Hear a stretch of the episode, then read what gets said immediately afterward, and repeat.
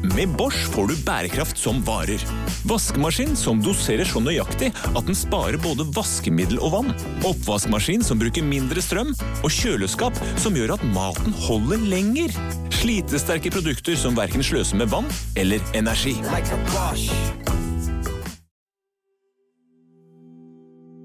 Den 19. juli 2020 opplever Juma Iraki det verste som kan skje. Hans to sønner er funnet drept, og han er selv siktet i saken. I denne episoden av Avhørt forteller Iraki om den ni måneder lange kampen for å bli frikjent, hvordan han ble behandlet av politiet i etterkant av den forferdelige hendelsen, og hvordan han har bearbeidet sorgen etter tapet av barna.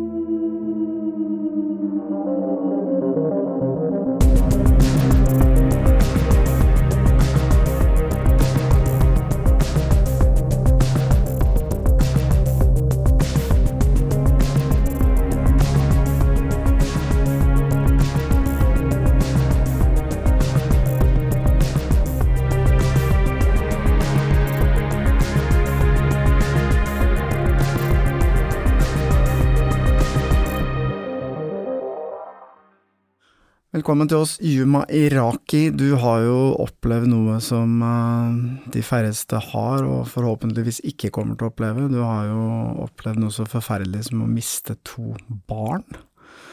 Men i tillegg til det så, uh, så ble du faktisk mistenkt av politiet for å ha utført denne gjerningen selv, da. Hvorfor ble du det? Nei, det, det starta vel egentlig med at uh Barna mine de bodde 50% hos meg og 50% hos mor. Eh, og søndag 19. juli så skulle jeg hente barna. Vi skulle på ferie til, eh, til Vestlia, på Geilo. Eh, jeg våkner opp og leser, leser førstesida på VG. Og da ser jeg at det står at det er to barn som er drept, og at en mor er hardt skadd. Så blar jeg nedover i avisen, og da kjenner jeg igjen uh, bygningen. Jeg ser også hvilken adresse det er, og får uh, umiddelbart en ganske dårlig magefølelse. Så um, jeg ringer jo da min eldste sønn Mikael, og så ringer jeg ekskona mi, og begge telefonene er skrudd av. Og da bare hiver jeg meg i bilen, og så kjører jeg i retning Lørenskog. Hele veien så snakker jeg med min uh, bestekompis, som er politi, og sier egentlig til meg sjøl hele veien at politiet hadde jo varsla meg hvis, hvis det var dem. Um, jeg kjører inn sidegata, der hvor de bor.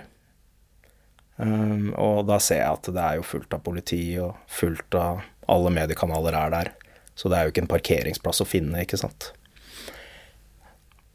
Så jeg begynner da å rygge, og idet jeg rygger, så ser jeg i begge sidespeilene mine at jeg blir omringa av politibiler. Min første umiddelbare tanke er jo at uh, de kommer til å si til meg at området er sperret av pga. det som har skjedd, og at jeg ikke får lov til å oppholde meg her. Det er det første jeg tenker. Og så kommer det en politibetjent ut og banker på ruta mi og ber meg gå ut av bilen. Og så ser jeg at idet jeg går ut av bilen, så spretter alle politifolka tilbake. Altså de trekker seg unna meg, akkurat som de er redd meg. Og jeg blir stående med arma ut i været og sier liksom hva, hva er det som skjer? Og da sier hun kvinnelige politibetjenten at det har skjedd noe, eh, vi skal forklare deg hva som har skjedd. Men så går de løs på meg. Ikke noe, de er ikke noe voldelige, men de går løs på meg og legger meg i håndjern. Og fører meg inn i en politibil, og den politibilen blir jo bare stående midt i gata. Og da er det jo naboer og folk som har vært på Rema 1000 og handla, og alt av media er jo til stede. Og jeg spør hele tiden uh, hva er det som har skjedd, hvor er, hvor er, barna mine? Og mens jeg da sitter i politibilen uh, i håndjern, så sier uh, politibetjenten at barna mine er drept, og det er jeg som er sikta for drapene. Og idet hun sier det, så får jeg en voldsom reaksjon. Begynner å skrike egentlig for full hals, og hele verden min raser sammen, da. Jeg tror politiet blei litt satt ut av reaksjonen. Um, og da velger de å kjøre meg over til, til andre sida av gata, hvor det ikke er så mye folk. Og jeg går liksom inn i en sånn litt sånn kampmodus. Ikke at jeg er voldelig eller uh, lite samarbeidsvillig mot politiet, men jeg begynner å tenke litt sånn løsningsorientert. Da begynner liksom å gi noen eh, beskjeder til politiet om hva de må gjøre.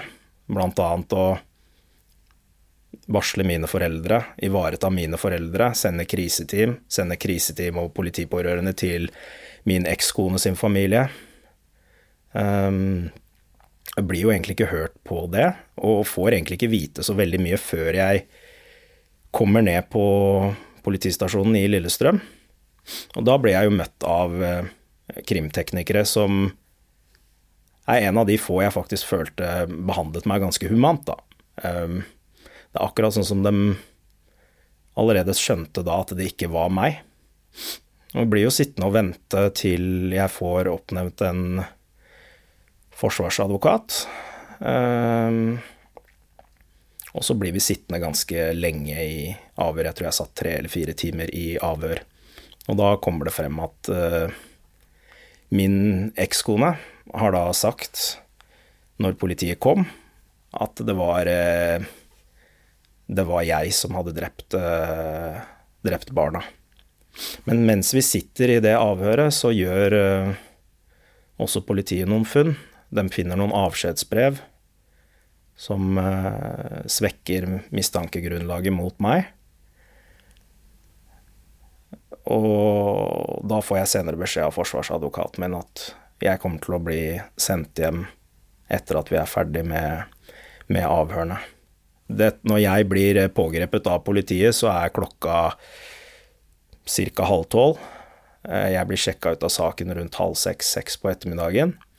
Men uh, politiet var jo i, på stedet i leiligheten rundt klokka halv ni. Da var jo også brannvesenet der. Det var jo egentlig dem som var først til stedet, fordi det var utløst en brann i leiligheten. Og hvis man ser på politidokumentene, så ser man allerede at idet min ekskone blir transportert til uh, Ullevål, så, så, mistenker ambulanselegen allerede at det er hun, fordi de skadene hun, hun, Altså, i media så har det blitt omtalt at hun var kritisk skadet, men det var hun jo ikke. Det var eh, overfladiske risp som var skåret opp med kniv på i, i, underarmene hennes. Ser nesten ut som det er en, en katt eller et dyr som har eh, skrapa deg opp. Men han spør jo da i ambulansen eh, på vei til Ullevål er du venstre- eller høyrehendt. Og da svarer hun at jeg er høyrehendt. Og da har han skrevet i rapporten eh, skadene ser selvpåført ut. Så allerede der så er det en mistanke om at det er mor som, eh, som har gjort dette, da. La oss spole litt tilbake, fordi uh, det var jo da en kjensgjerning etter hvert at det var din ekskone som hadde utført dette her. Og, og, men hadde hun uh, noen psykiske problemer, noen utfordringer som du visste om tidligere? Nei, Aldri Ingenting. noe som hadde kommet fram, sånn Nei. sett. Vi var gift i ti år, og fra min side så hadde det ekteskapet vårt uh, ikke vært optimalt de siste fem årene, så jeg hadde jo tatt initiativ ved tre anledninger til å gå i parterapi. Uh, litt av problemene har jo vært at vi er litt forskjellige personer. Jeg er mer sånn som når jeg ser problemer, så tar jeg tak i dem og prøver å være ganske løsningsorientert. Hun hadde nok mer enn en holdning å bare skyve alt som er vondt, vekk, og ikke ta tak i det og ikke forholde seg til det. Men eh, etter å ha prøvd en del ganger, så, så tok vi ut separasjon. Eh, jeg traff en annen dame. Det aksepterte ikke hun. Eh, det blei veldig vanskelig samarbeidsmessig. Vi lot det aldri gå utover barna, sånn at de merket det, men så vi Når vi var rundt barna, så var det ikke noe Da oppførte vi oss sånn som vi skulle. Men uh, hun hadde nok en del uh, hat retta mot, mot, meg på grunn av det her.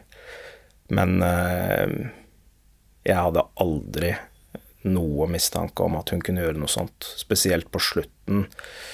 når det hadde gått litt tid, så, så, opplevde jeg faktisk at hun hadde på en måte fått en litt mer aksept for at vi hadde gått fra hverandre. Eh, fordi hun var mye mer samarbeidsvillig, eh, og det var veldig mye ting hun kunne gjøre som jeg opplevde som For hun visste at Michael og Gabriel de var alt for meg. Det var mitt svake punkt, da. Og det var jo anledninger hvor uh, hvor hun kunne sende meg en melding og si at Michael Mikael er lei seg for han savner pappaen sin og sånn, og så ber jeg om å få snakke med Mikael, men så ble jeg nekta å snakke med han, da. Så jeg syns jo det var Ok, så hun viste liksom evne til å prøve å manipulere deg, da? Ja. I forkant? Ja. Det gjorde hun ganske, ganske mye. Og jeg var jo veldig opptatt av at når vi gikk fra hverandre, så skulle hun på en måte ha alt hun trengte. Sånn rent økonomisk, da, så var jeg ganske hun fikk det ganske romslig, eh, for å si det sånn, uten at jeg trenger å gå i detalj på hvor mye og hva det var ja, snakk om. Så det var ikke sånn at hun sleit med, med, å, med, å, klare seg? Altså, hun kjøpte en uh, ny leilighet på Lørenskog, en fireroms. Så begge gutta hadde hvert sitt rom, uh, og hadde null kroner igjen. Okay. Jeg trenger ikke å Nei, si noe mer om det. Men i forkant av dette, altså det for en mor å ta livet av sine egne barn, det er jo liksom Det er jo helt ufattelig. Uh, men hva slags mor var hun? Hun var egentlig en ganske jordnær og omsorgsfull uh, mor. Uh, hun var veldig opptatt av at Michael og Gabriel skulle, skulle ha det bra. Så jeg har liksom ikke noe å si på hennes egenskaper som, som mor. Men uh, jeg tror nok, eh, og det sa jo jeg som avsluttende ord i retten, at hva skjedde med den moren? Fordi den personen her kjenner ikke jeg igjen. da. Jeg vet ikke hvem det her er som har gjort det her. Jeg um, jeg sa i retten at uh, det er synd at bitterheten og hatet viste seg å være større enn kjærligheten for mine barn. For det er jo egentlig det jeg sitter igjen med som en følelse, da. Mm. Med tanke på hva hun har gjort. Men har hun på noe som helst tidspunkt eh, blitt, fått noen sånn psykiatrisk evaluering? Har det vært noe snakk om at hun har vært liksom utilregnelig i gjerningsøyeblikket eller noen verdens ting? Nei, hun ble vurdert som tilregnelig. Hun fikk jo 21 år som dom. Ikke med forvaring, men 21 år. Eh, det var jo ikke noe tvil om at hun hadde vært veldig klar over hva hun faktisk har gjort. Og det handler litt om litt av de tingene hun gjør i forkant før hun dreper barna. Hva gjør hun? Eh, en av de tingene hun har gjort, det er jo at vi hadde en sparekonto til begge gutta. Og kvelden kvelden natt til når drapene skjer, så har hun tatt alle sparepenga til Michael og Gabriel og overført det til sin egen konto. Og det var jo noe det ble lagt vekt på i retten, at en person i, som hadde en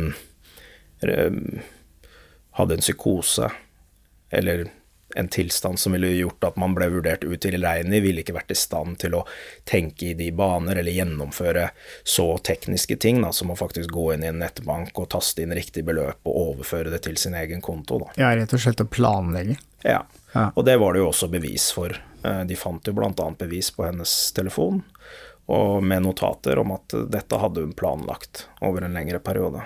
Men hva hadde hun Hva var liksom planen sin i etterkant? Legge skylda på deg, og så slippe unna med det? Ja. Det, det, er, jo, det er jo det som går igjen i, i um, avskjedsbrevene. Ikke at hun skal legge skylda på meg, men at uh, dette er, et, dette er uh, en handling som er gjort og som er styrt av sjalusi og hat og bitterhet. Mm. For å hevne seg på meg.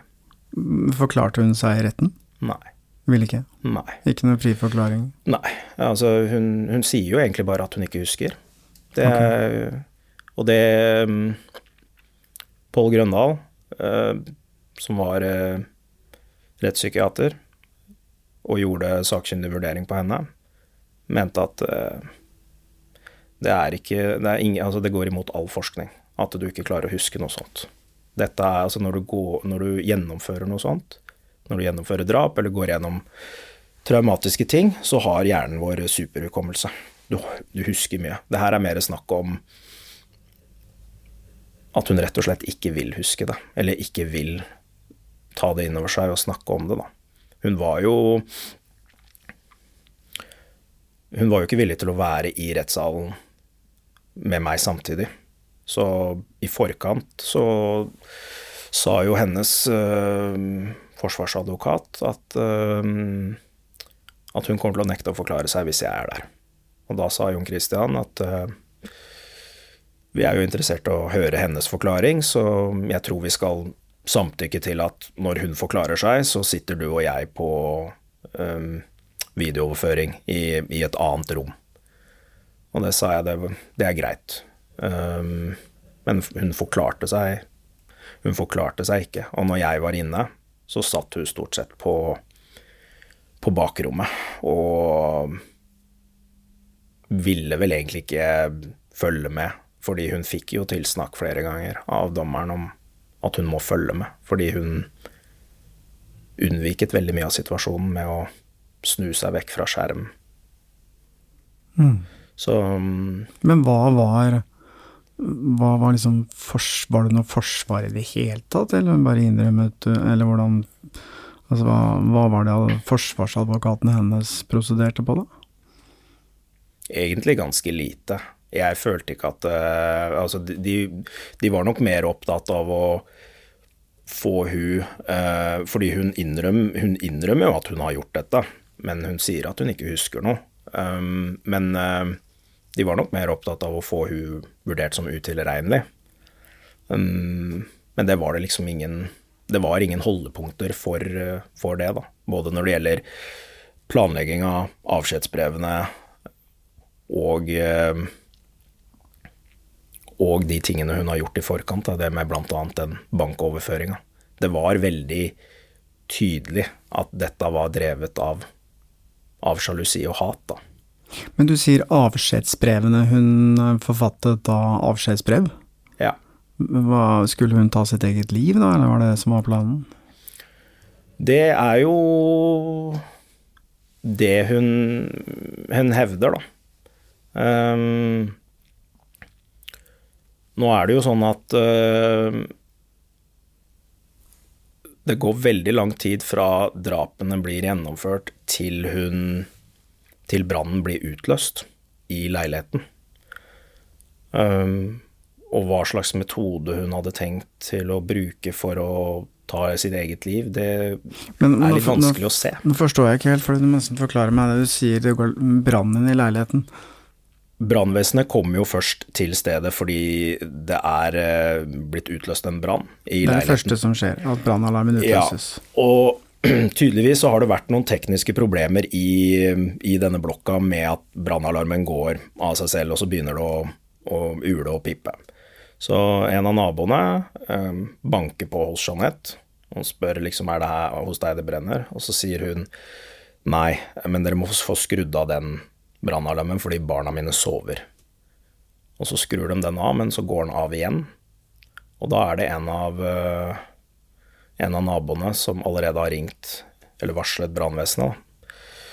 Men en av naboene ser jo at det er røyk inne i leiligheten, og så gjentar ekskona med og sier dere må skru av dere må skru av alarmen fordi barna mine sover. Og så går denne naboen inn, og så ser hun at det ligger eh, to barn her, og da roper hun ut 'Det er barn her, det er barn her'. Og det er liksom Idet du går i, inn i leiligheten, så er det en sånn Så er det en gang, og første døra til høyre etter det, det er hovedsoverommet. Og der ligger Mikael og Gabriel eh, ved siden av hverandre. Brannen var jo da utløst fra det rommet fordi eh, hun hadde prøvd å tenne på senga som gutta lå oppi. Okay. Og så er det sprinkelanlegg, ikke sant, for det er nybygg. Så da gikk jo de av. Og så ble jo brannen slokka sånn sett, da. Det bare fossa jo masse vann i, i leiligheten. Og så ble politiet varsla? Ja, så da kom jo politi på stedet, og så har vel egentlig de politibetjentene som var først på stedet, skrevet i rapporten at hun De stoler ikke helt på henne fordi hun, hun snakker litt sånn usammenheng. Det er vanskelig å forstå hva hun sier noen ganger, eller hva hun mener, og hun er øh, Og så besvimer altså, De skriver vel at besvimer, men de tror ikke helt på henne. Og så begynner hun å rope at dere må redde, må redde barna mine. Og det er jo da hun sier til dem Det er 'hvorfor har han gjort det her', 'hvorfor har han gjort det her'? Det er mannen min, eller eksmannen min, Juma Iraki, som har gjort dette. Men var hun, var hun ruset? Var hun påvirket av alkohol? Hun var øh, påvirket av alkohol. Ok, Så hun hadde drukket? Ja. Ja. Ganske mye òg. Okay. Jeg tror det var en promille på rundt 2,4. 2,4. Ja. Altså hun var egentlig døddrukken, da? Ja. Ok.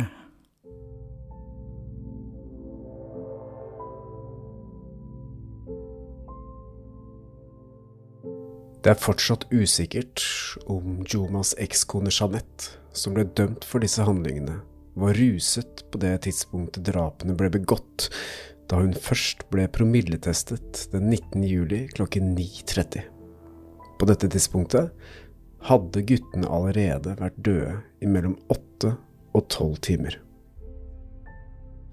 Hvordan var det liksom å Kanskje vanskelig å sette ord på, men jeg mener når man mister noe så nært, så er det jo gjerne kanskje en prest, og man får liksom et dødsbudskap, man får tilbud om å snakke med noen. Men du ble altså bare putta i en politibil, påsatt håndjern, og så sier de bare liksom barna dine er drept, og du er sikta. Det er jo først når de forstår at det ikke er meg. For jeg husker at idet jeg får gå ut av avhøret, og de sier at nå kan du dra hjem, så, så kommer det en politipårørende. Og så tar hun med meg inn i et rom med kriseteam. Og så går det en fire minutter, og så de Så kommer hun tilbake, og så sier hun foreldrene dine sitter i det andre rommet. Og da sier jeg jeg vil være med foreldrene mine nå.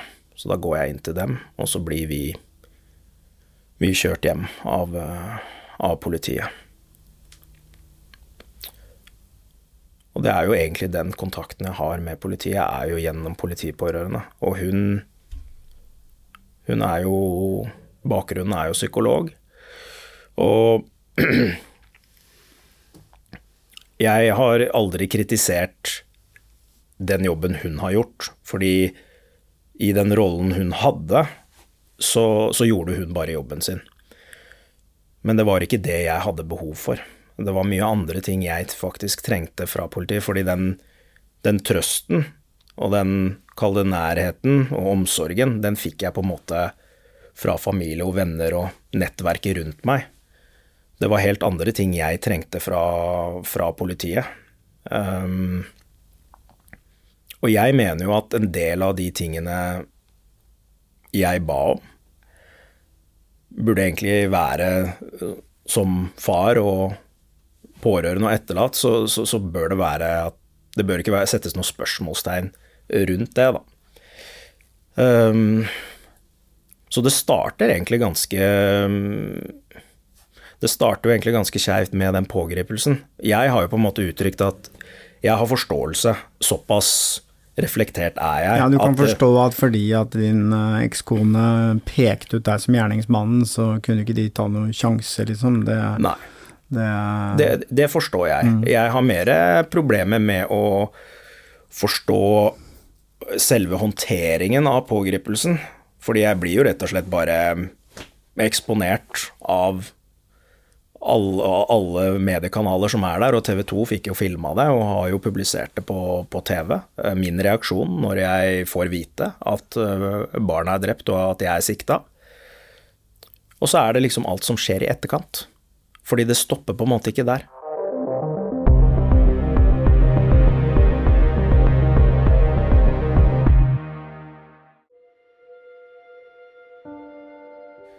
Denne saken fikk jo enorm mediedekning og enorm interesse for saken. Og jeg husker allerede på dag to så er jeg i et møte med politiet hvor eh, politiet sier at de har kalt inn til en pressekonferanse. Klokka er rundt halv to. De sier pressekonferansen skal være klokka halv tre. Og på den pressekonferansen så ønsker de å offentliggjøre navnet til barna. Og da ønsker de et samtykke fra meg. Men så sier de samtidig Men hvis du ikke samtykker til det, så kan det hende at vi i politiet vurderer at vi frigjør navnet til barna likevel. Og min første reaksjon da, det er jo at jeg stiller spørsmål til politiet. Hva har det å si for etterforskninga at dere offentliggjør navnet til barna? Fordi de er ikke sporløst forsvunnet. De er ikke, det er jo ikke sånn at dere driver og søker etter dem. Så jeg vil vite hva det har å si for etterforskninga at dere går ut med navnet. Og det klarte de ikke å svare på. Og jeg blir jo da ganske frustrert, da. Og uttrykker egentlig at uh, det her finner ikke familien min og jeg å si, at dere skal gjøre det. Fordi vi har ikke begravd Michael og Gabriel engang, og det er allerede så stort trykk fra media, og så skal vi liksom få dette på toppen av det hele, uten at dere klarer å argumentere for hvorfor dere velger, velger å gjøre det. Eh, enden på det er jo at de da eh, trekker det, avlyser pressekonferansen, og så sier de vel etterpå en ja, deres måte å beklage på, da. At det var en feilkommunikasjon innad. Men det er ikke noe unnskyldning, fordi jeg tenker veldig ofte at jeg kommer fra en ressurssterk familie. Vi har et stort nettverk.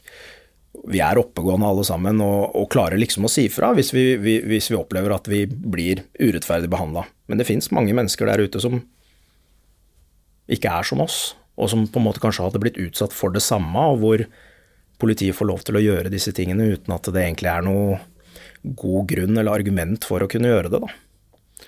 Så det er sånne episoder som skjer hele tiden, hvor, eh, hvor man Hvor det bygger seg opp en større og større frustrasjon. Jeg hadde jo også egentlig et ønske om å ha et møte med politibetjentene som arresterte meg. Det, det var det ikke snakk om. De hadde permisjon nå, eller hva det var for noe. men Det var ikke noen mulighet, så isteden så fikk jeg møte ledelsen i Øst politidistrikt. Og til det møtet så hadde jeg da konkrete spørsmål som jeg lurte på. Problemet er jo at eh, lederne har jo ikke noe med etterforskninga å gjøre, så det blei jo bare en sånn gjentagelse om at det var de usikre på, eller det visste de ikke, dette skulle de undersøke og komme tilbake til meg. Men hva var det du ønsket svar på, da? Jeg ønsket øh, Det som plaga meg egentlig aller mest, var øh, hvorfor mine foreldre ikke ble varsla. Hvorfor vurderer politiet, politiet at øh, det ikke var viktig å varsle min familie? Um, for det, det blei jo altså Du kan tenke deg selv, da, to besteforeldre som sitter hjemme og ser på TV hva som har skjedd, og får ikke tak i sønnen sin og begynner å få en dårlig følelse, og så er det ingen som, uh, som tar vare på deg. Jeg var jo oppriktig bekymra for mor og far. Da. De er uh, voksne folk. Og det, liksom, du har mista barna dine. Du, trenger ikke å toppe seg med at du også mister foreldra dine oppi det her, da. Du sitter på TV og nærmest ser det live, liksom. Med ja. bilder av bygningen og ja. mm. Argumentet er jo at uh, politiet ikke prioriterer å varsle pårørende til siktede. Uh, og Jon Christian Elden mener jo at det, det, er ikke noe argument, fordi om jeg hadde vært siktet eller pårørende i den saken, så er, de fortsatt besteforeldre? De er fortsatt besteforeldre, og de er pårørende. Så de skulle vært varsla og ivaretatt, da.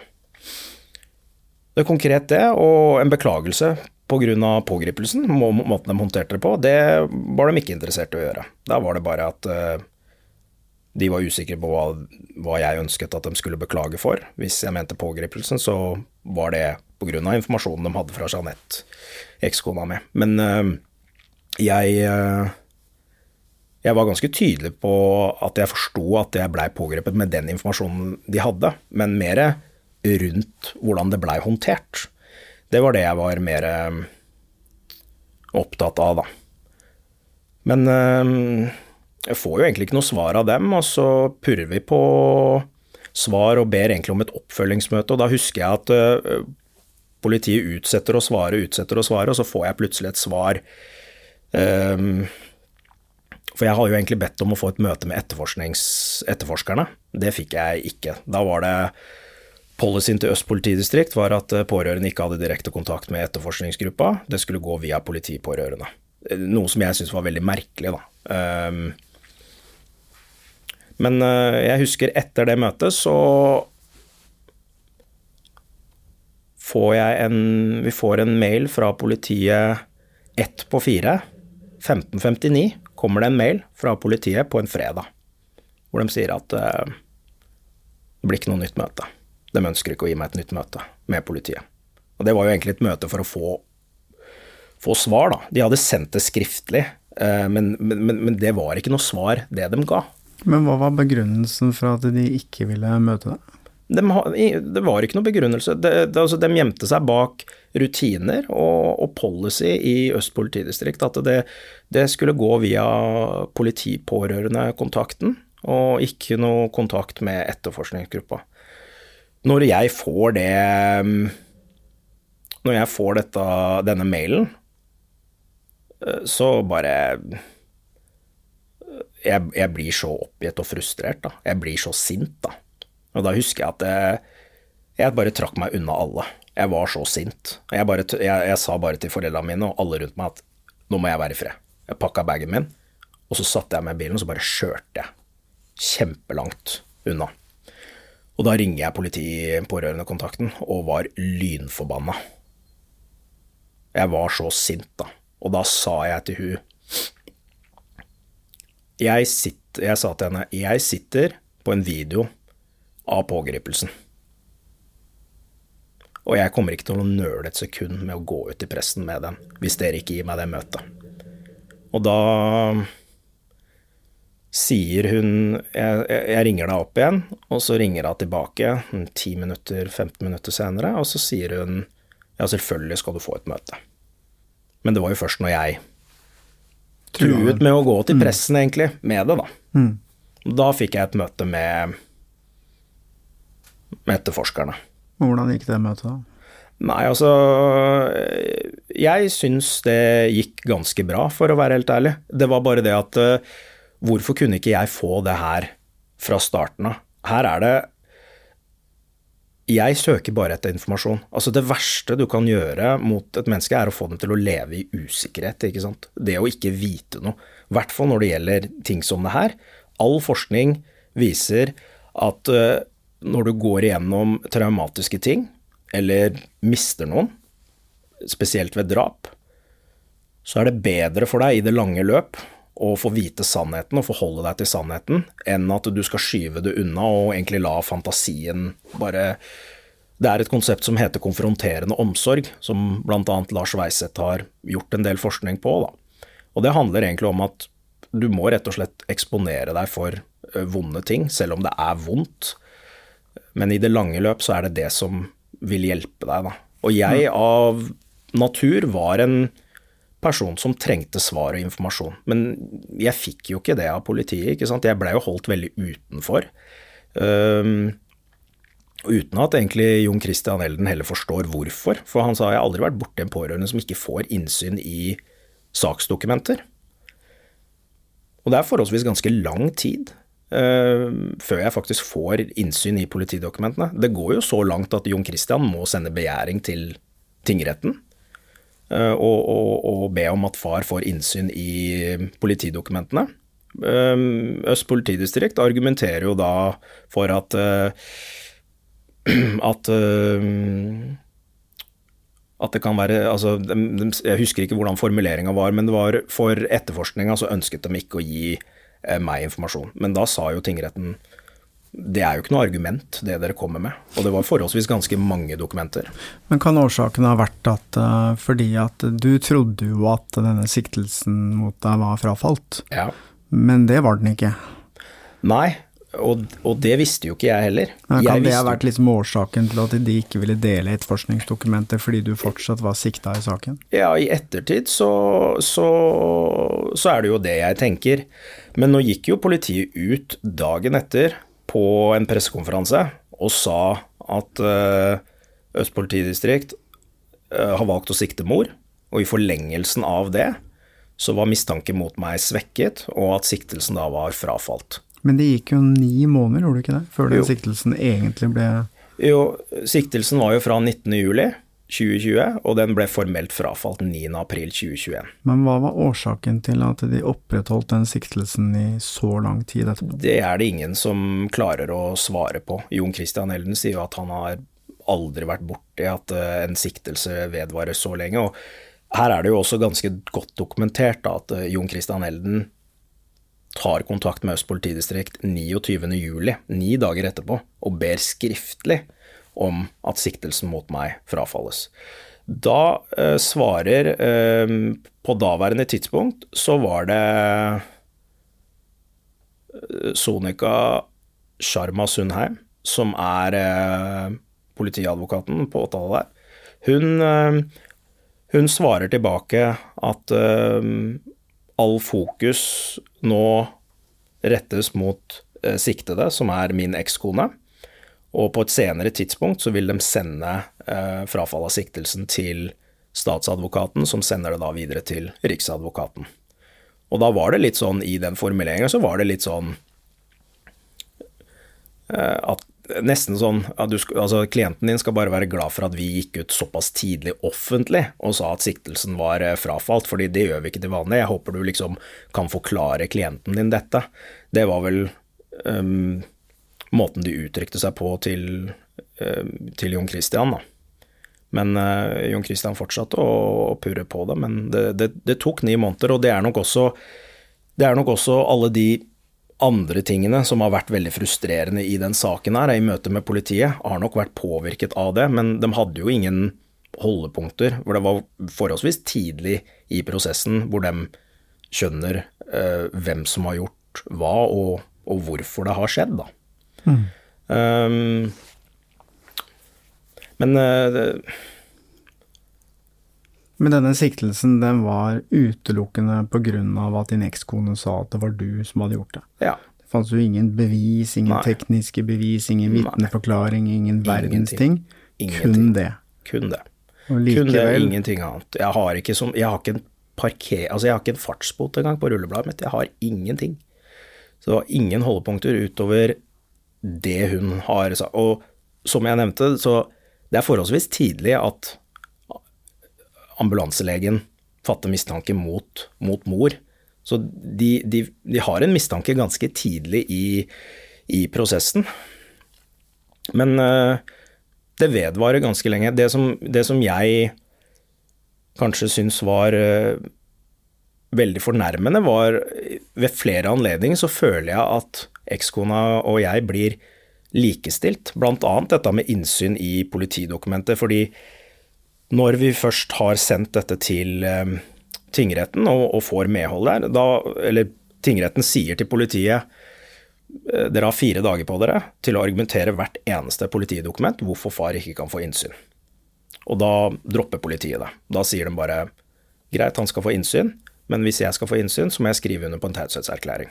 Det er det som er avtalen, kan du si, da. Og da sier jeg det er greit. I det jeg signerer under på den taushetserklæringa, så um,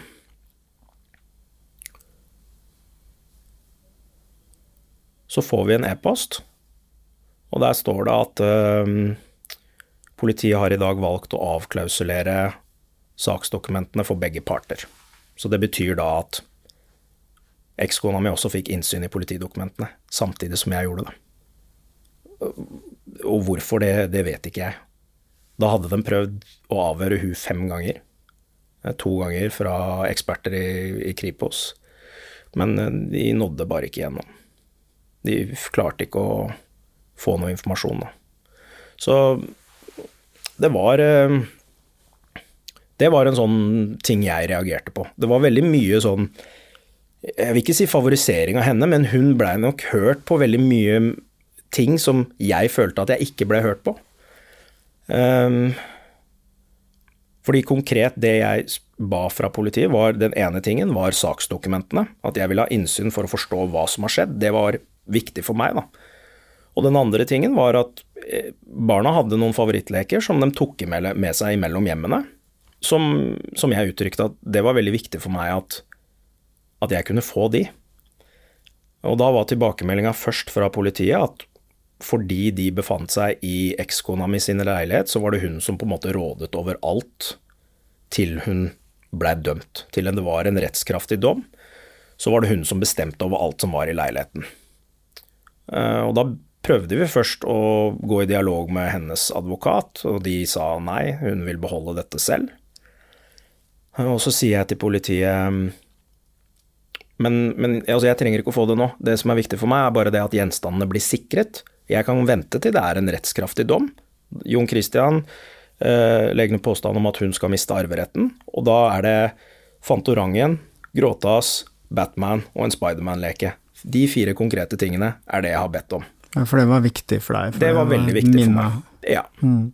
Det var liksom mest sannsynlig eh, noe av det siste barna har tatt på. Så for sorgarbeid så er jo også det viktig. Men øh, det kunne heller ikke politiet hjelpe med. De kunne heller ikke hjelpe med å sikre gjenstandene. For det var ikke noe straffbar handling med lekene, så da kunne de heller ikke ta beslag i det. Det var det de sa. Men da uttrykte jeg at jeg er ikke tjent med at det foreligger en rettskraftig dom hvis ingen vet hvor tingene er. Hva, hva hjelper det meg? Altså, jeg har det juridiske, men jeg får jo fortsatt ikke tingene, så Men det ble jeg heller ikke hørt på. Og så kommer rettssaken, og så blir hun dømt, og så blir hun fradømt arveretten, og så etterlyser jeg tingene fra politiet, og så er det ingen som vet hvor det er. Er det borte? Ja. Så noen har tatt seg inn i leiligheten og tatt ja, leiligheten ble, ja, leiligheten ble solgt og tømt av hennes familie. Familien hennes sier at nei, de har kjørt mye av det på søppeldynga. Men det, politiet kan ikke hjelpe med det.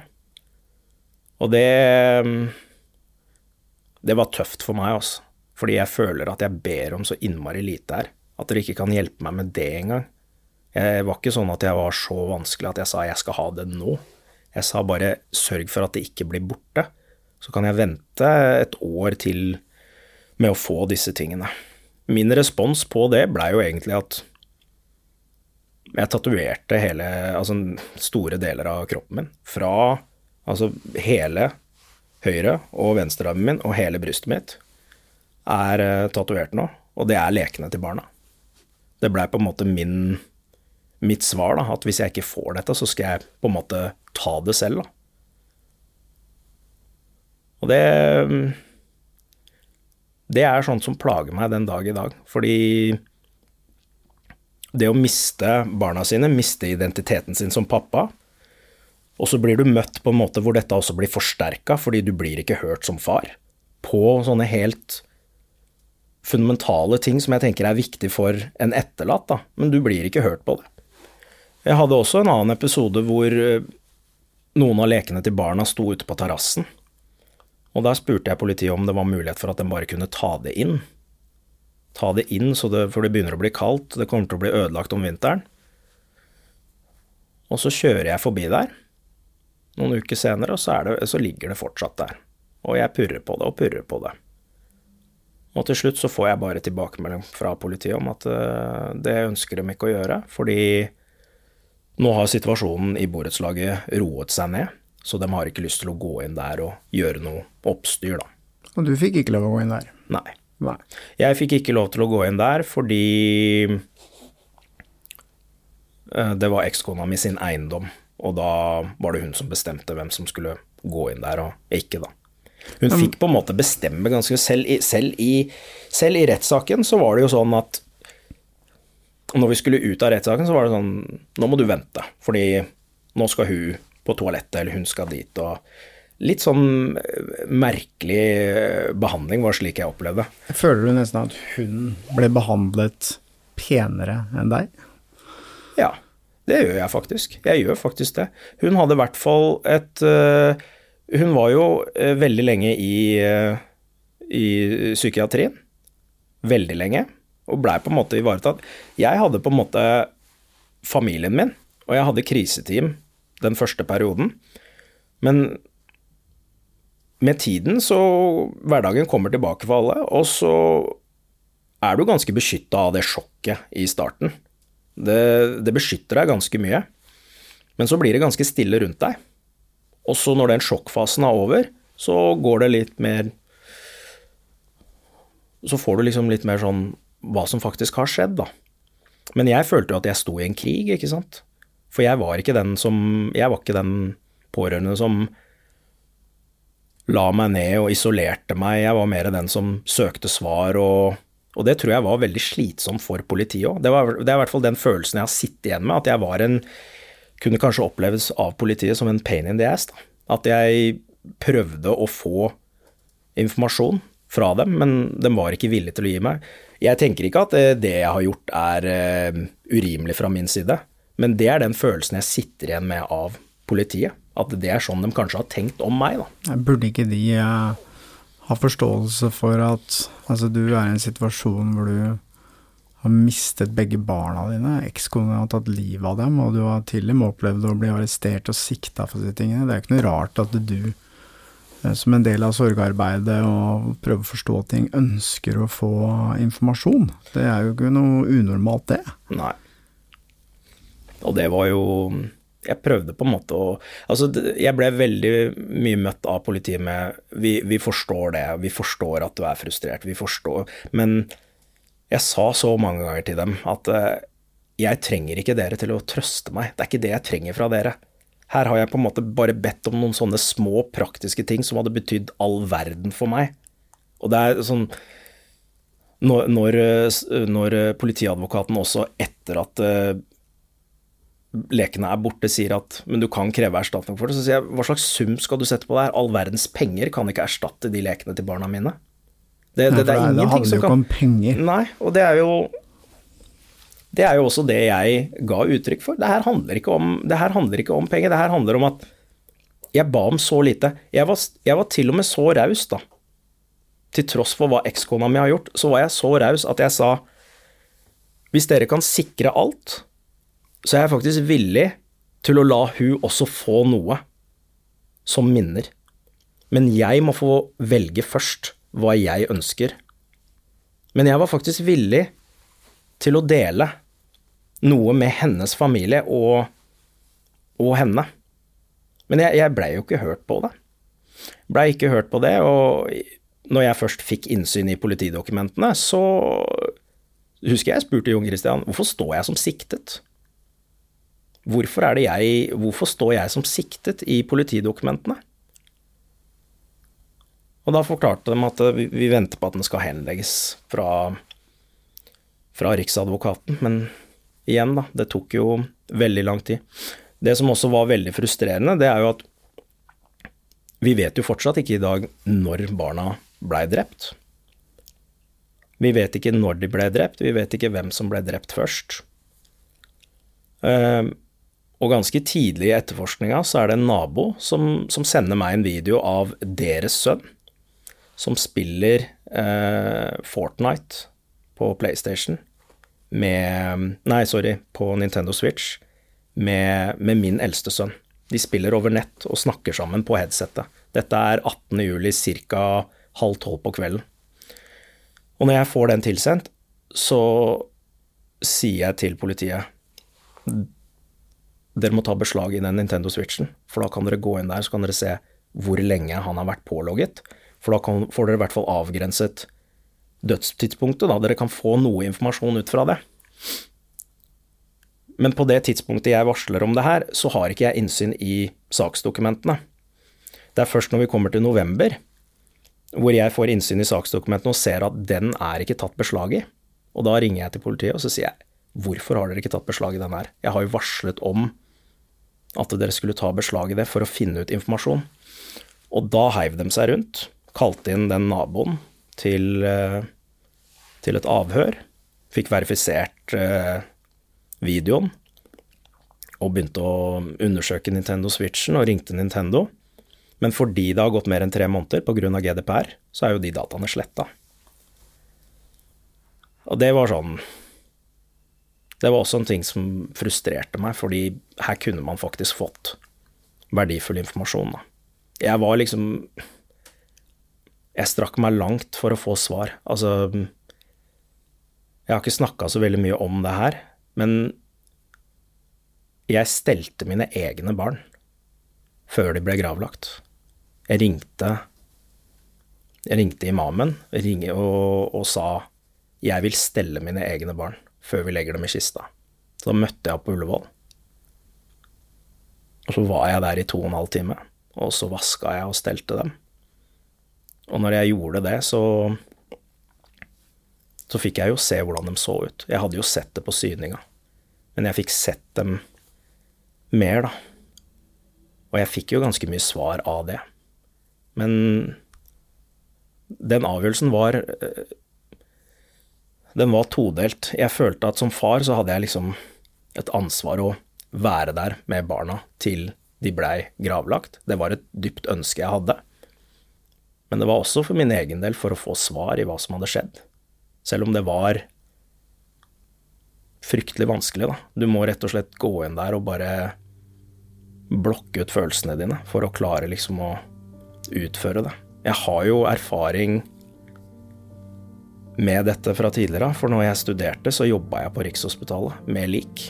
Så jeg har jo på en måte vært vant til å være rundt døde mennesker og, og stelle dem, da. Men kan ikke sammenligne det engang med at det er dine egne barn.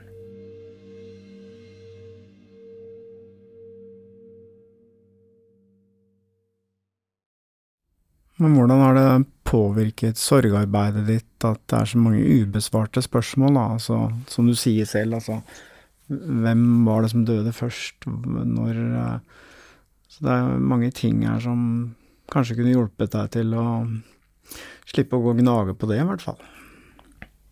Nei, for meg så Jeg hadde veldig tette bånd med gutta mine. Jeg jobber til daglig med med trening og idrett. Det er der jeg har min utdannelse og faglige bakgrunn. Og idrett var veldig sentralt for oss, da. Min eldste sønn, han dreiv med hockey, bryting, og jeg var også fotballtreneren hans i Rælingen fotballklubb. Og Gabriel, han var jo bare mm, ett og et halvt år, men den sommeren så hadde jeg allerede vært på loftet og henta skøytene som Mikael brukte, fordi Mikael begynte på hockey da han var to, på, på skøyteskolen. Og samtidig så kommer jeg fra Jeg kommer fra Lørenskog, og gutt, begge gutta kommer fra Lørenskog, og det, det, er jo dessverre en kommune som har hatt litt utfordringer med, med gjengkriminalitet. Og det var faktisk noe jeg hadde engasjert meg litt i, at jeg følte liksom at her måtte jeg gjøre noe. Hvis jeg hadde mulighet til å hjelpe til her, så, så måtte jeg gjøre det, da.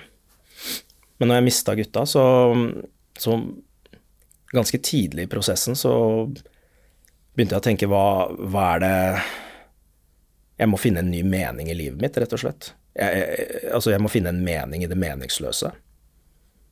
Og hva er det jeg kan gjøre i Michael og Gabriels navn for å hjelpe andre barn og unge med ting som gutta var opptatt av, og jeg engasjerte meg i, da. Og da må ha vært to uker etter at de var borte, at jeg satt oppe på gutterommet hos foreldrene mine, og så kom jeg ned i stua, og så sa jeg bare vi skal starte en stiftelse. Den skal hete Erkeengler, fordi Mikael og Gabriel har kalt opp etter erkeengler. Og vi skal konkret jobbe med disse tingene. Vi skal bygge lekeplasser og fotballbaner. Vi skal ha et fond hvor vi finansierer medlemsavgift og kontingenter og utstyr til barn fra lavlønnede familier, sånn at de kan drive med idrett. Og så skal vi ha aktiviteter som vi kan ta med barn på, da. De som kanskje vanligvis ikke har mulighet, da. Og det arbeidet med stiftelsen, det blei på en måte min redning, da. Det å jobbe veldig systematisk med det å Og det var jo ganske mye penger fra min side som ble satt inn der som, kall det en startkapital. Men så var det jo enorm støtte. Vi starta jo Vi starta eh, En halv million var inne i stiftelsen, og målet mitt var resten av året så skulle vi få inn en halv million til. Og når vi lanserte nettsida vår i august, det var på en fredag, så tok det én helg, så hadde vi én million på konto. Det tok én helg å få. Det var enorm støtte fra folk rundt oss. Og kommunen var veldig behjelpelig med å høre på oss i forhold til de byggeplanene vi hadde. Så der var jo også kommunen med å putte inn en del penger og en del lokale bedrifter som hjalp oss med den økonomiske biten. Og da fikk vi bygd en lekeplass som er ca. litt i overkant av 1000 kvadrat, på Sørlihavna. Det er der hvor jeg har vokst opp, i Lørenskog. Og den blei også døpt offisielt eh, Michael og Gabriels lekeplass. Og så har vi også bygd en ballbinge, ikke så langt unna der hvor gutta er gravlagt, i nærheten av en skole. Og i Gabriels gamle barnehage så oppgraderte vi hele uteområdet til de minste barna. Og det fondet vårt, det har vi jo siden 2020, og til nå så har vi nesten delt ut 650 000 fra fondet for å støtte, støtte barn. Vi satte av 200 000 i 2021, vi satte av 200 000 i fjor, og i år, fordi vi ser at det er flere og flere som sliter, så har vi satt av en, en halv million. Og der har det gått ut allerede 200 000 siden 1. januar. Så vi Det gjør, det gjør noe med meg å kunne gjøre noe for andre i, i Mikael og Gabriels navn. Da. Det er som Jeg bruker veldig mye tid på det. Eh,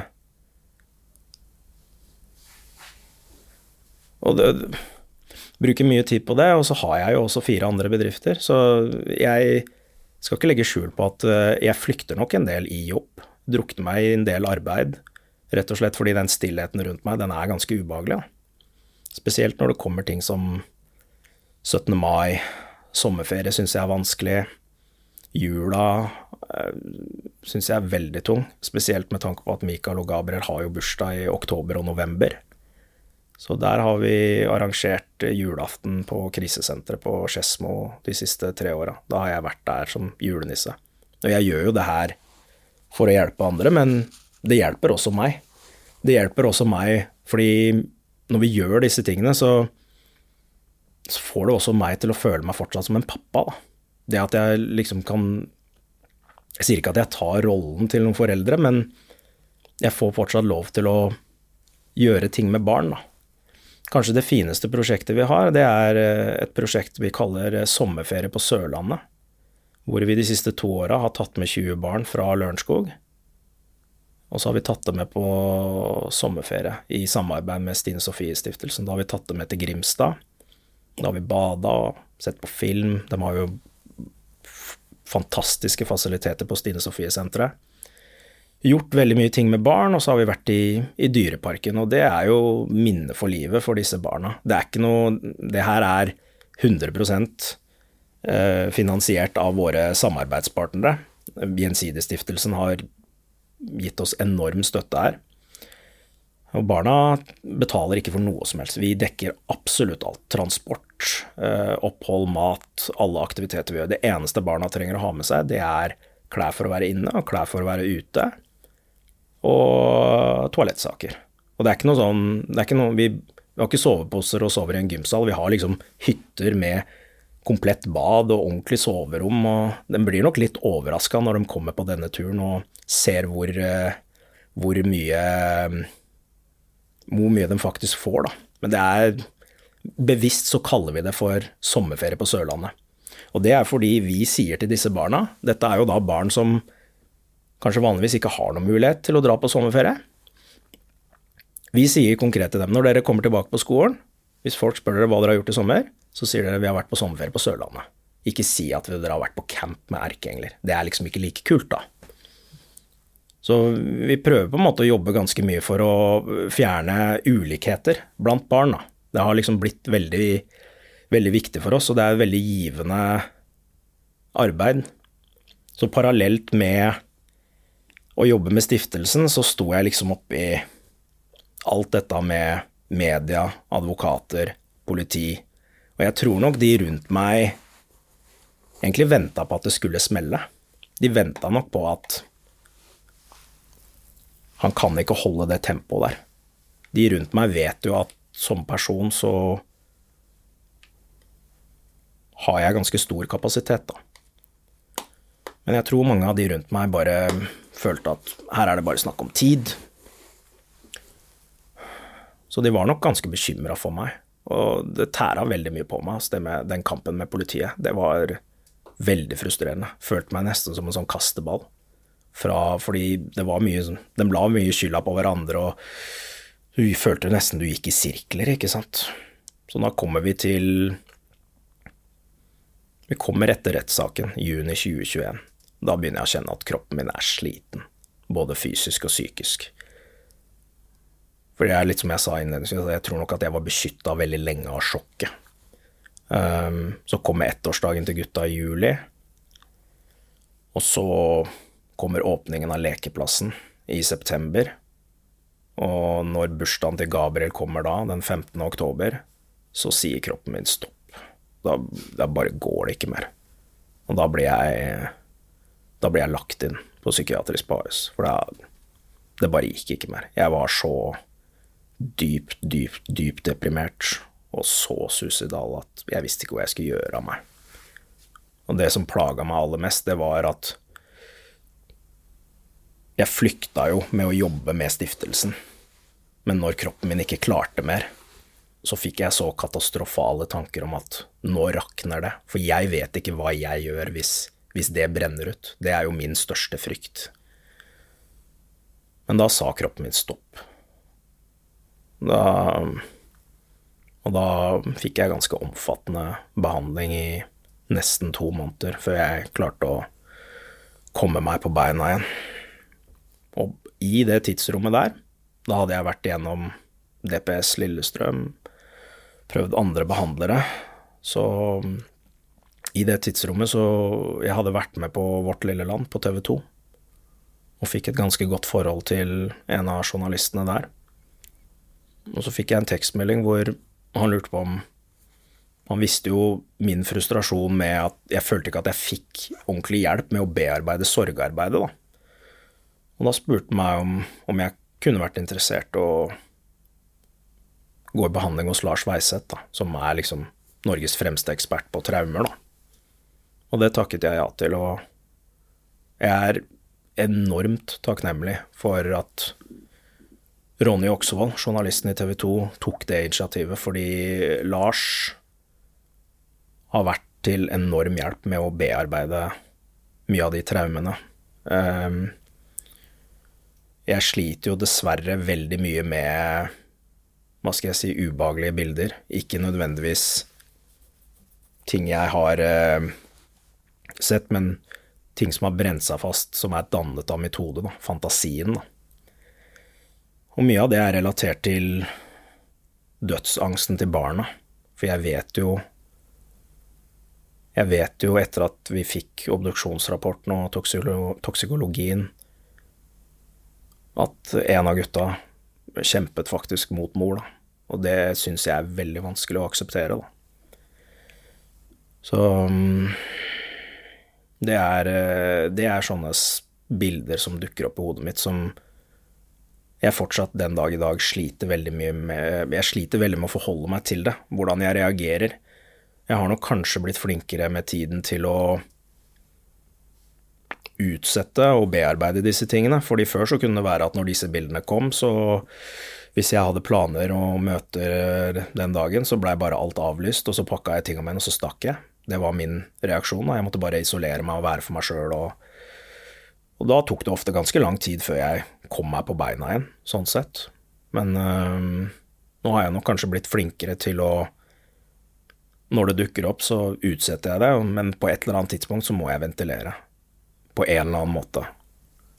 Så jeg tilbringer jo ganske mye tid på grava til Michael og Gabriel. Jeg bor jo ikke Jeg kjøpte en leilighet som ikke er så veldig langt unna, og bruker jo veldig mye tid på å bearbeide sorgen, da. Men med god hjelp fra spesielt Lars, men jeg er jo også veldig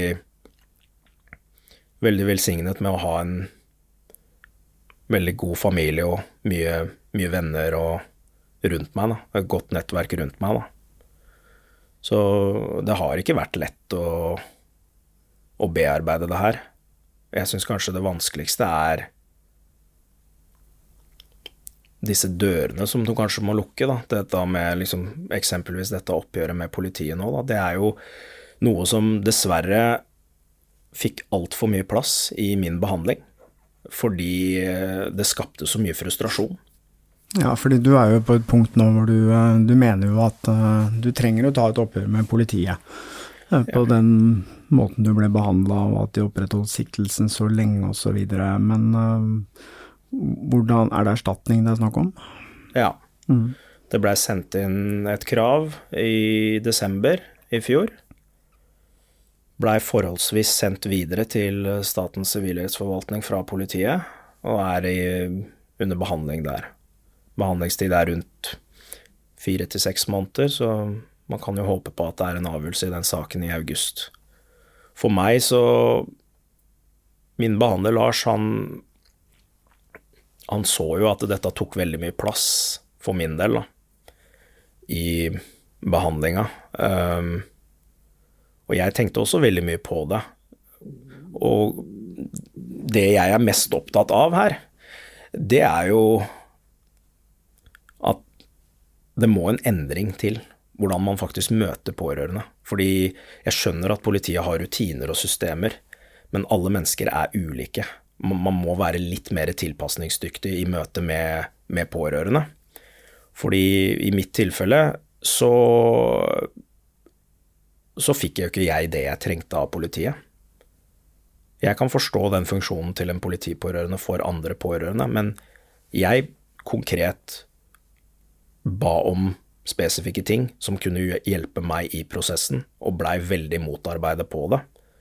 Og følte egentlig at jeg var ganske fleksibel ikke sånn at 'dette skal jeg ha nå', men mer det at gi meg noen tydeligere svar, forsikre meg om at f.eks. gjenstandene blir eh, sikret.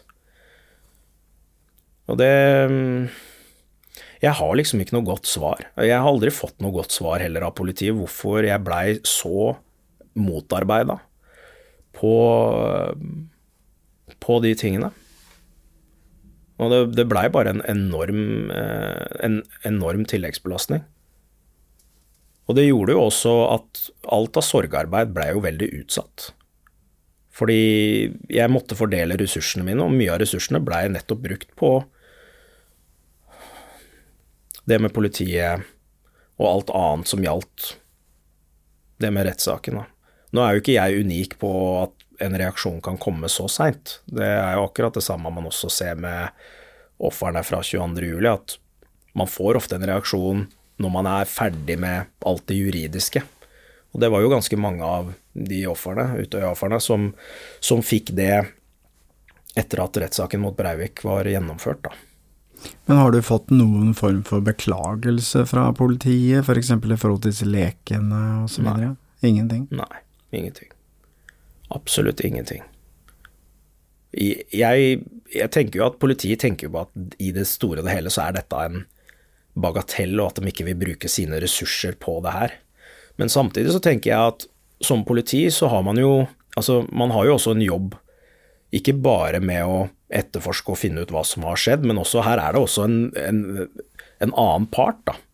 Noen etterlatte, pårørende, som også trenger å bli ivaretatt, da. Og helsevesenet kan jo øh, fylle en del av den rollen der. Men her konkret så var det spesifikke ting som politiet kunne gjøre for å, for å lette, lette, sorgprosessen. Nå vil jeg også nevne at øh, jeg, når jeg kritiserer politiet, så er det mest av alt fordi jeg ønsker at det skal bli en endring. Endring i deres rutiner. Og fordi dette ikke kan skje igjen. Det kan ikke skje igjen med noen andre. Jeg er forholdsvis ganske sterk psykisk. Jeg tåler mye, jeg klarer å ta en kamp. Men det er ikke alle som er sånn. Og det å bli rett og slett spist opp, da. Det, altså, fordi innenfor psykologi så er det noe som heter the second blow. Og det er at du blir utsatt for noe traumatisk. og så er det en traume i seg selv. Men så blir du i tillegg eh, motarbeida, som, som kan Worst case så kan jo det faktisk gjøre at du faktisk bikker over, at nok er nok, da. Og det Vi er jo veldig opptatt av å ivareta kriminelle og rehabilitere disse for å få dem tilbake til samfunnet. Men samtidig så må det jo også være et system for å ivareta pårørende, fordi de har jo like stor risiko for å falle ut av samfunnet hvis de ikke blir ordentlig ivaretatt. Da. Mm. Det var kriminalomsorg, men det er ikke så mye pårørendeomsorg, er det du sier? Ja. Det er jo fordi hjelpen er der i den akutte fasen, men erfaringsmessig så, så, så er du så beskytta av sjokket at det er ikke da du nødvendigvis trenger mest hjelp. Det er ofte ganske lang tid etterpå. Og det vet man også fra forskning som er på sorg, da, at eh, du går, en, du går, jo gjennom faser, og så veksler du mellom noen faser litt frem og tilbake. Men du har denne, denne depresjonsfasen, som man ofte ender opp med etter en liten periode. Det er nok der man har mest behov for eh, hjelp, da. Mm. Og det kan kanskje være litt uh, vanskelig å fange opp, fordi de rundt deg, eller samfunnet generelt, vil jo kanskje tenke at nå har det gått såpass lang tid at nå har man på en måte gått videre. Men reaksjonene kommer jo ofte ganske lang tid etter, da. Mm. Du fortalte meg jo på telefonen at uh, du hadde jo en ny kjæreste på den tiden. Mm. Og du, uh, det ble jo funnet noen brev uh, hvor det var framsatt noen trusler også om at den nye kjæresten din, var det ikke sånn? Jo, stemmer. Kan du fortelle om det? I et av brevene ekskona mi hadde skrevet, det var adressert til hennes søster. Eh, med en klar oppfordring om å, å rett og slett ta hevn på, på, meg og på min, min nye kjæreste. Um, med også en belønning, hvis det blei gjort. Um, det jeg reagerte på i dette tilfellet her, det var at i brevet så kommer det jo frem fullt navn, adresse og telefonnummer. Og Familien får jo da innsyn i dette dokumentet. Dette er jo da opplysninger som ikke ligger ute på, på nett, da det ligger ikke på 1881. Men jeg reagerer da på at politiet gir familien innsyn i dette dokumentet uten at den informasjonen er sensurert. Da. Navnet, adresse og telefonnummeret står i brevet. Og når jeg får vite det her, så spør jeg politiet konkret hva slags risikovurdering er det egentlig dere har gjort i dette tilfellet her. Her er, vi, her er liksom søsteren og, og dattera her har jo faktisk drept begge barna sine, og så, og så, gir dere denne informasjonen til hennes familie. Og når man går gjennom noe sånt, så er man jo i ubalanse. Det var jo vi òg. Vi var jo også i ubalanse når, når det her skjedde. Um, men da spør jeg politiet konkret hva slags risikovurdering er det egentlig dere har gjort her? Hvorfor, hvorfor har dere ikke sensurert ut denne informasjonen?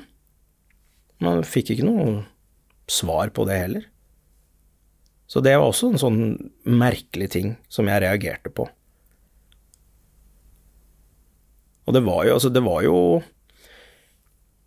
Mor og Mor og søster, de hadde jo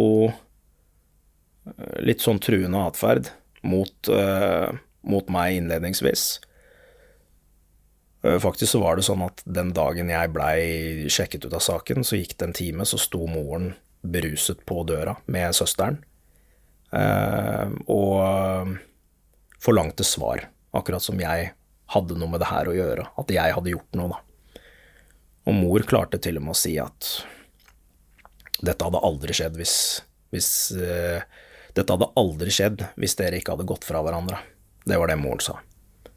Det å var veldig opptatt av penga til barna og sånne ting som jeg absolutt ikke tenkte på i det hele tatt. Det var eh, Det var eh, at, at ekskona mi hadde sagt til moren at de pengene de skulle, de skulle moren ha, da. Og det var liksom krav om at uh, barna skulle kremeres, og barna skulle gravlegges på Høybråten, og det var hennes datters barn, og jeg måtte liksom gjøre alle disse tingene her.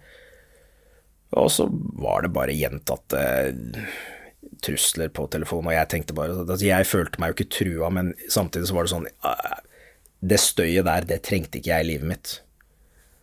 Så til slutt så bare tok jeg kontakt med politiet og lot dem høre på alle de meldingene jeg hadde fått på telefonsvareren, og de meldingene som var blitt sendt, og så fikk begge to besøksforbud. Så på det tidspunktet så hadde eh, moren og søsteren besøksforbud mot hele min familie. Eh, og det var vel det politiet brukte som argument, da. At eh, her hadde her hadde de besøksforbud, og derfor Var det uproblematisk å oppgi personalia ja. på nye kjæresten din? Det var det de argumenterte Men uh, hvordan, uh, hvordan, skal jeg si for noe Hva tenkte hun om det, da, nye kjæresten din, det, disse tingene? Nei, hun syntes jo det var ekstremt ubehagelig. Um, så hun reagerte jo uh, veldig, veldig på det, da. Uh, men hun hadde jo kontakt med politiet og blei liksom beroliget om at hun var trygg og de argumenterte vel også med at eh, når familien hadde lest dette brevet, så var de forholdsvis rolige og ikke hadde hisset seg opp og vært aggressive, da. Men samtidig så tenker jeg at det er jo ikke noe Det er ikke noe argument, tenker jeg. Jeg syns det bare er Det var bare direkte unødvendig, da, å oppgi de, de opplysningene. Hvordan er forholdet, er du fortsatt sammen med Ja, ja. ja. Så det har overlevd, dette, disse tingene, dette forholdet ditt, nye forholdet? Ja, det har det faktisk, og vi, vi har jo faktisk også giftet oss. Så vi Hun har jo vært eh, en enorm støtte oppi det hele og stått i det hele veien med meg, og jeg tror når man opplever sånne ting sammen, så får man veldig sterke bånd, da. Det, det gjør man. Og klart, jeg har jo Jeg har jo ofte tenkt sånn var det noe jeg ikke fikk med meg? Er det noe jeg skulle reagert på? Men det, det, det, var liksom ikke Det var ikke det heller. Jeg var liksom Altså, med tanke på hvordan de egenskapene hun hadde som mor, da, så var jo jeg ganske trygg på at uh, de barna var trygge hos henne. Altså, det er jo noe du, noe du forventer, da. For det er jo en av de viktigste personene i livet som skal ivareta barnas omsorg og, og ikke minst sikkerhet, da. Men jeg, jeg, jeg, jeg, gikk jo rundt lenge med skyldfølelse om at uh, Hva om vi ikke hadde gått fra hverandre? Så hadde ikke det her skjedd. Det syns jeg var veldig vanskelig. Det var veldig vanskelig, og det Det syns jeg rett og slett var vanskelig å deale med, men jeg har jo liksom fått høre hele tiden at du kan ikke klandre deg selv for det, hvis du ser liksom hvor mange er det som ikke går fra hverandre. Det ender jo ikke på denne måten for det. Det har jo aldri vært noe form for eh, Det har jo Og dette er jo ikke mine ord, dette er ekskona min sine egne ord tatt ut av hennes første avhør. At jeg har aldri vært voldelig verken mot barna eller mot henne. Det har aldri vært noe vold eh, imellom oss, verken fra hennes side mot meg eller jeg mot, eh, mot henne. Så det her kom egentlig bare som lyn fra klar, himmel. Vi hadde én episode året før hvor jeg egentlig sier til hun at jeg, jeg vil ikke mer. Nok er nok, vi har liksom prøvd så lenge. Jeg vil ikke mer. Og så begynner jeg på en måte å være den praktiske med hvordan vi skal løse ting med, med barna. Jeg tilbyr meg liksom å flytte ut og la henne være i, i huset med barna. Og da tok hun med seg barna og stakk av. Jeg visste ikke hvor de var. Jeg ringte dem 30 ganger, eller ringte henne 30 ganger. Visste ikke hvor hun hadde tatt med barna. Og så senere på kvelden så sender hun en fellesmelding til hele min familie, hvor hun sier eh, Vi overlever ikke dette. Når dere leser denne meldingen her, så er ikke vi i live lenger. Og da ringer vi politiet. og politiet sporer hun da opp på et hotell i Fredrikstad. Da får jeg beskjed om at eh, barnevernsvakta eh, kommer til å ta seg av barna i natt, og hun blir kjørt ned på legevakta for en sjekk. Og da sier jeg nei, det er helt uaktuelt, så jeg, jeg drar til Fredrikstad nå og henter gutta mine. Nei, det, det var ikke noe vits, sa dem, fordi jeg kommer ikke til å, til å få de. Det var det politiet kommuniserte til meg, men i realiteten det som skjedde, det var at ambulansen og politiet stoppa hun og vurderte at hun var skikka for å fortsatt ha barna den natten. Så det var ikke noen konsekvenser for hun. Det eneste var at det blei eh, en eh, Det ble rapportert til barnevernet. Um, så kom hun hjem dagen etter, og barnevernet hadde én samtale med hun alene, ikke meg. Aldri hatt en samtale med meg, kun med hun. Og så ble saken henlagt. I ettertid, etter at drapene skjedde, så anmeldte barnevernet seg selv i Rælingen. Og der blei det en gransking, og der var det brudd på fire lover i barnevernsloven. Men jeg var nok en gang da, ekskludert fra det også, selv om bekymringen kom fra oss, da. Så hun var jo da åpenbart ustabil i forkant av dette, men det blei liksom ikke gjort noe med? Nei. Jeg tror hun var veldig flink til å skjule hvordan hun egentlig hadde det. Og det tror jeg hun Jeg tror egentlig det er noe hun har eh, lært seg gjennom livet, og rett og slett skjule Fordi altså, den kommer jo fra en veldig belasta bakgrunn. Mm. Mye rus i familien. Mistet bror. Mistet eh, far ved rus ganske tidlig. Så holdningen har nok bare vært at uh, dette snakker vi ikke om, dette skyver vi vekk. Og det var nok det hun også kanskje lærte seg, da, som en sånn mestringsstrategi, da, om at alt bare skyves vekk, da, og dette snakker vi ikke om. Det var jo også det som var utfordringen vår, at når det var konkrete utfordringer mellom oss, i kommunikasjon eller hva det måtte være, så prøvde jeg å finne løsninger på det, hun ville bare skyve det vekk, ville ikke snakke om det. Det blei for vondt, det blei for sårt. Da kommer du ingen vei, da. Da bygger det seg opp mm. En frustrasjon over tid, da. Når man uh, føler man går rundt i sirkler og Så jeg var jo ganske ærlig med hun at jeg var i det ekteskapet bare av gutta mine. De, den senere tid. Det var det, var, det var det, eneste. For jeg syns, øh, jeg syns vi Det var ikke optimalt, da, det forholdet mellom oss. Vi var nok Vi giftet oss altfor tidlig og var nok veldig ulike, da. Mm. Måten vi tenkte på, da. Men hvordan, øh, hvordan har du det i dag, liksom? Hvordan er livet ditt i dag? Jeg vil jo si at øh, jeg har kommet meg det siste året, i hvert fall. At det har liksom Jeg fungerer, i hvert fall, som jeg sier, i, i hverdagen. Men det er jo mange som sier at med tiden så leges alle sår og sånn. I det tilfellet her så gjør det ikke det. Du lærer deg kanskje å, å leve med det, rett og slett. Det er ikke én dag hvor jeg ikke tenker på gutta mine. Det er noe som minner meg om gutta hele tida. Men jeg, var, jeg tok nok noen tidlige grep for å unngå at det skulle prege livet mitt veldig mye, og det var jo å eksponere meg for veldig mye. Kall det eksponeringsterapi, da. Jeg bor jo tross alt 500 meter fra leiligheten eh, hvor de bodde.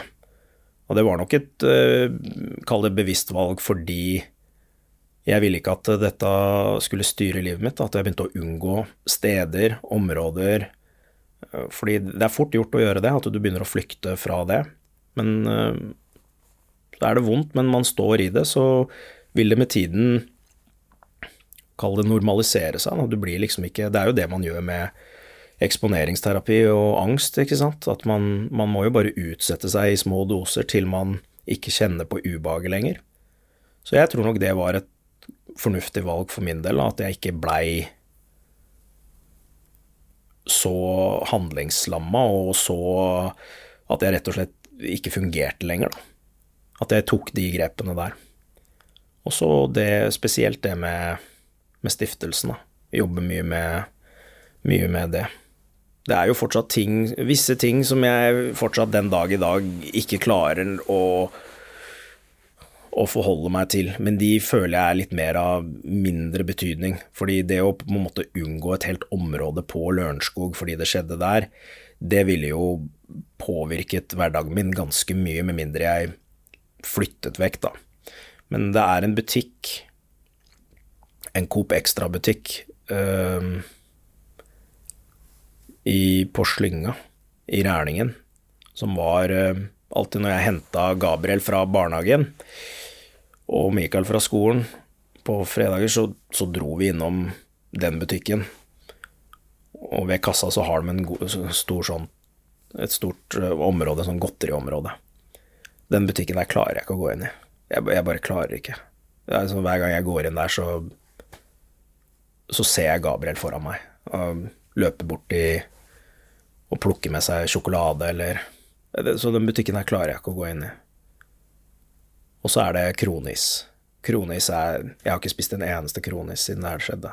Det, så det er sånne småting som det der som den dag i dag er ting jeg ikke klarer å forholde meg til. Jeg, det blir for vanskelig.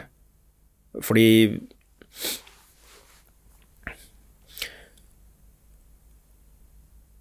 jeg føler at det Altså, nå er det liksom Stiftelsen har jo vokst, og så er det liksom det er så mange rundt meg da, som, som, jeg føler er avhengig av at jeg faktisk fungerer. At jeg også presterer, ikke sant. Og det gjør også at jeg tar noen valg og prioriteringer for å på en måte ha et fundament hvor jeg klarer å være skjerpa og fungere. Da. Sånn som det å være nøye med å sove tilstrekkelig, være i fysisk aktivitet, trene, være ute, spise riktig, nå er jo dette vært noe som har vært en del av meg i veldig, veldig lang tid, men jeg må ærlig innrømme at inntil Det var vel kanskje et skifte i fjor sommer, men før det så var det Jeg begynte plutselig å røyke to pakker om dagen. Spiste bare junk. Var null i fysisk aktivitet. En Ble rett og slett veldig selvdestruktiv. Og for meg så ble det liksom Hvorfor skal jeg gidde å Hvorfor skal jeg gidde å prioritere å ta vare på helsa mi? Jeg har jo egentlig ikke lyst til å være her mer. Det er jo I lang tid så, så var det holdninga mi. Jeg har ikke lyst til å være her mer. Men det var lettere for meg å dø av noe enn å ta mitt eget liv. Så det var et dypt ønske å bli gjenforent med Michael og Gabriel. Det var intenst, da. Så, men det er, en, det er, en, prosess. Jeg, jeg, går til Lars en gang i uka, og det føler jeg at jeg trenger. Når det går en periode hvor jeg ikke ser han, så, så merker jeg at det akkumulerer seg, det bygger seg opp. Nå må jeg ventilere på en eller annen måte. Og ofte så er den ventileringa enten at jeg setter meg i bilen og drar til lekeplassen, eller at jeg drar til grava til gutta. Øst politidistrikt har tidligere blitt fremlagt disse påstandene fra Joma Iraki. Og selv om de ikke har ønsket å stille til intervju, ber de om at politiadvokat Marie Falkenberg siteres på følgende. Politiet har forståelse for at Iraki har opplevd både statusen som siktet og andre beslutninger som ble truffet av politiet under etterforskningen, som krevende. I lys av at erstatningssaken er til behandling hos Statens sivilrettsforvaltning, ønsker ikke politiet å kommentere de nærmere detaljene i saken på nåværende tidspunkt.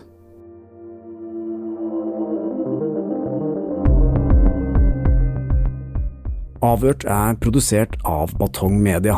Redaksjonen vår består av Stein Morten Lier, Helge Molvær og Lars Christian Nygårdstrand. For å komme i kontakt med oss eller se eksklusivt innhold, søk opp Avhørt på Facebook og Instagram. Og hvis du vil høre eksklusive episoder av Avhørt, gå inn på podmy.no eller last ned Podmy-appen.